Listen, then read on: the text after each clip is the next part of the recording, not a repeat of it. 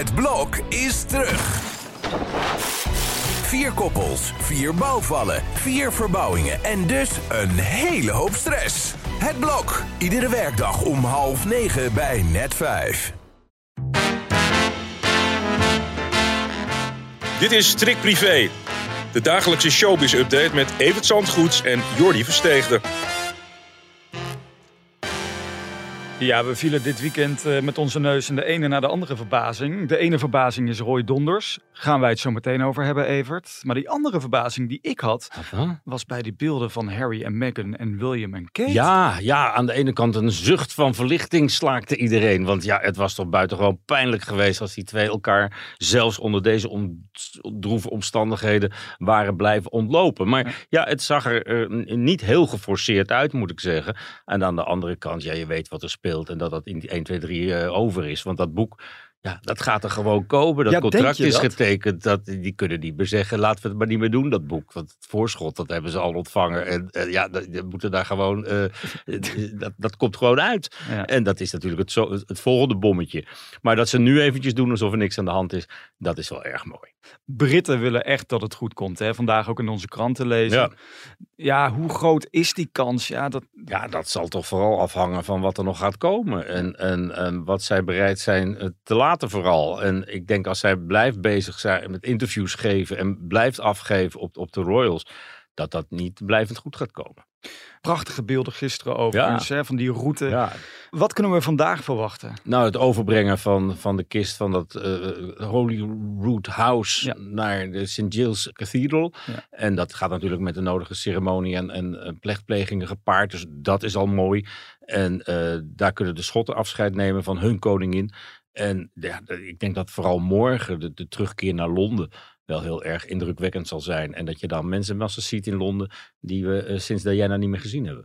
En dan uh, vandaag precies over een week de uitvaart. Ik neem aan, alle draaiboeken worden op dit moment uh, overhoop gehaald. Dat wordt een hele bijzondere dag natuurlijk. Dat, ja, ja. Dat, dat, dat, wordt al heel lang aan gewerkt. Ik hoorde dat alleen de kist voor Elisabeth, waar zij in ligt, een hm. lode kist, die schijnt al 40 jaar klaargestaan te hebben. Dus uh, je kan niet zeggen dat ze niet zijn voorbereid. Ja. En uh, ja, er is nooit iets aan het toeval overgelaten. Alleen dat zij 96 zou worden, daar werd 40 jaar geleden dus niet echt rekening mee gehouden. Ze waren echt op alles, altijd stond alles klaar. En uh, ja, nu is het zover. En ik denk ook niet dat er helemaal niemand in paniek is of zo. Het is gewoon het draaiboek wat ze altijd geoefend hebben, wat altijd klaar lag. En dat gaan ze nu uitvoeren met stiff upper lip. ja, het is zo'n bijzonder ja, volk hoor. Het is echt uh, bijzonder om te zien. Ook die, die tv-presentatoren die de hele dag maar uh, vol praten. Het is gewoon alsof ze dachten, ja, nu is het zover waar we altijd rekening mee gehouden hebben dat het zou gebeuren. En laten we het maar doen met z'n allen.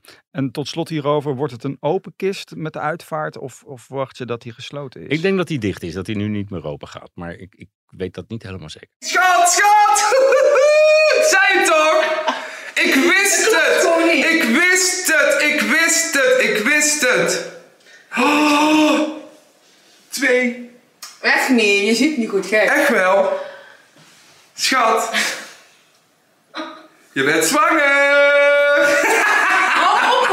We zijn eigenlijk nog maar amper bijgekomen van het nieuws dat, dat Roy Donders een vriendin heeft.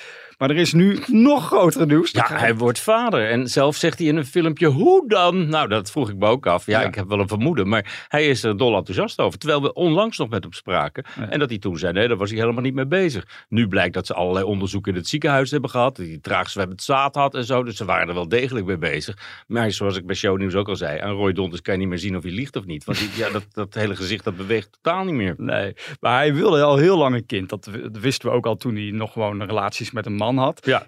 Eh, heel even, kan het ook zo zijn dat hij dit nu gewoon doet omdat hij een kind wil hebben en dat hij dan straks toch weer terug bij een man gaat? Ik heb geen idee. Ik sta nergens van te kijken. En het zou zo, volgens zijn ex zou dat zomaar het geval kunnen zijn, want hij oh. wilde altijd al een kind. En toen het nieuws naar buiten kwam, hij belde me in maart of zo van ik heb heel groot nieuws en uh, ja, ik heb een nieuwe relatie, maar het is een vrouw. En dat wilde hij groot naar buiten brengen. Dat hebben we ook gedaan toen. En dat zorgde voor de nodige verbazing. Maar ja, dit slaat alles. Dit is natuurlijk wel voor voor een nieuwe reality-serie trouwens, zit ik me te bedenken. Nee, ik weet niet of mensen dit allemaal willen zien en horen. En uh, ik, ik, ik vind het uh, erg modern allemaal. Ja. En uh, ja, ik geloof niet dat Nederland dit op de voet wil volgen. Nee. over reality-series gesproken. Vandaag ook bij ons in de krant op pagina privé een verhaal over Astrid uit B&B Vol Liefde.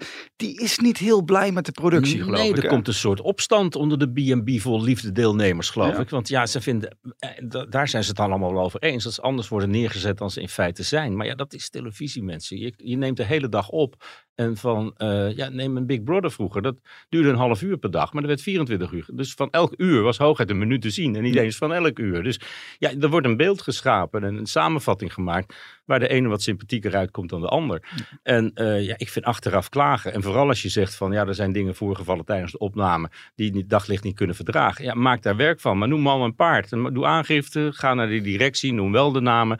En ga niet zeggen van, er is iemand op het matje moeten komen. Terwijl ze bij RTL Blue Circle, de producent, zeggen van, nou, we weten van niks. Ja, want uh, jullie hebben natuurlijk RTL ook om een reactie gevraagd. Maar bij ons in de krant blijven ze wel stil. Is, het, is dat verstandig? Kunnen ze niet beter toch wel iets zeggen? Ja, zij zeggen, we geven nooit commentaar op wat kandidaten, oud-kandidaten zeggen. Dat Ja. is natuurlijk niet houdbaar als het ernstige zaken zouden zijn. Maar voorlopig denk ik dat er gewoon twee mensen erg teleurgesteld zijn in wat het opgeleverd heeft. Mhm. En dat ze nu een beetje met terugwerkende kracht gaan schoppen tegen een programma waar dit jaar toch gewoon weer een miljoen mensen per dag van genoten. En waarvan ook weer een derde seizoen komt. Ik ben wel benieuwd of er nu nog mensen zich gaan opgeven. Als er een derde seizoen Ja. komt, ja, nou ja, iedereen ziet het natuurlijk als geweldige PR voor zijn, voor zijn eigen B&B. Dat is ook, de, laten we eerlijk zijn, de voornaamste reden om mee te doen aan Ik Vertrek. Ja. Voor heel veel mensen. En eh, ja, die, die zullen er heus wel weer zijn. Want mensen willen heel graag op tv, zeker als ze wat te verkopen hebben. En dat hebben ze als je in het buitenland zo'n avontuur begint. Maar eh, dit is een klein smetje op een programma. Maar het zijn nou niet de meest stabiele figuren die daar eh, melding van maken, vind ik. Dus het zal wel weer overwaaien.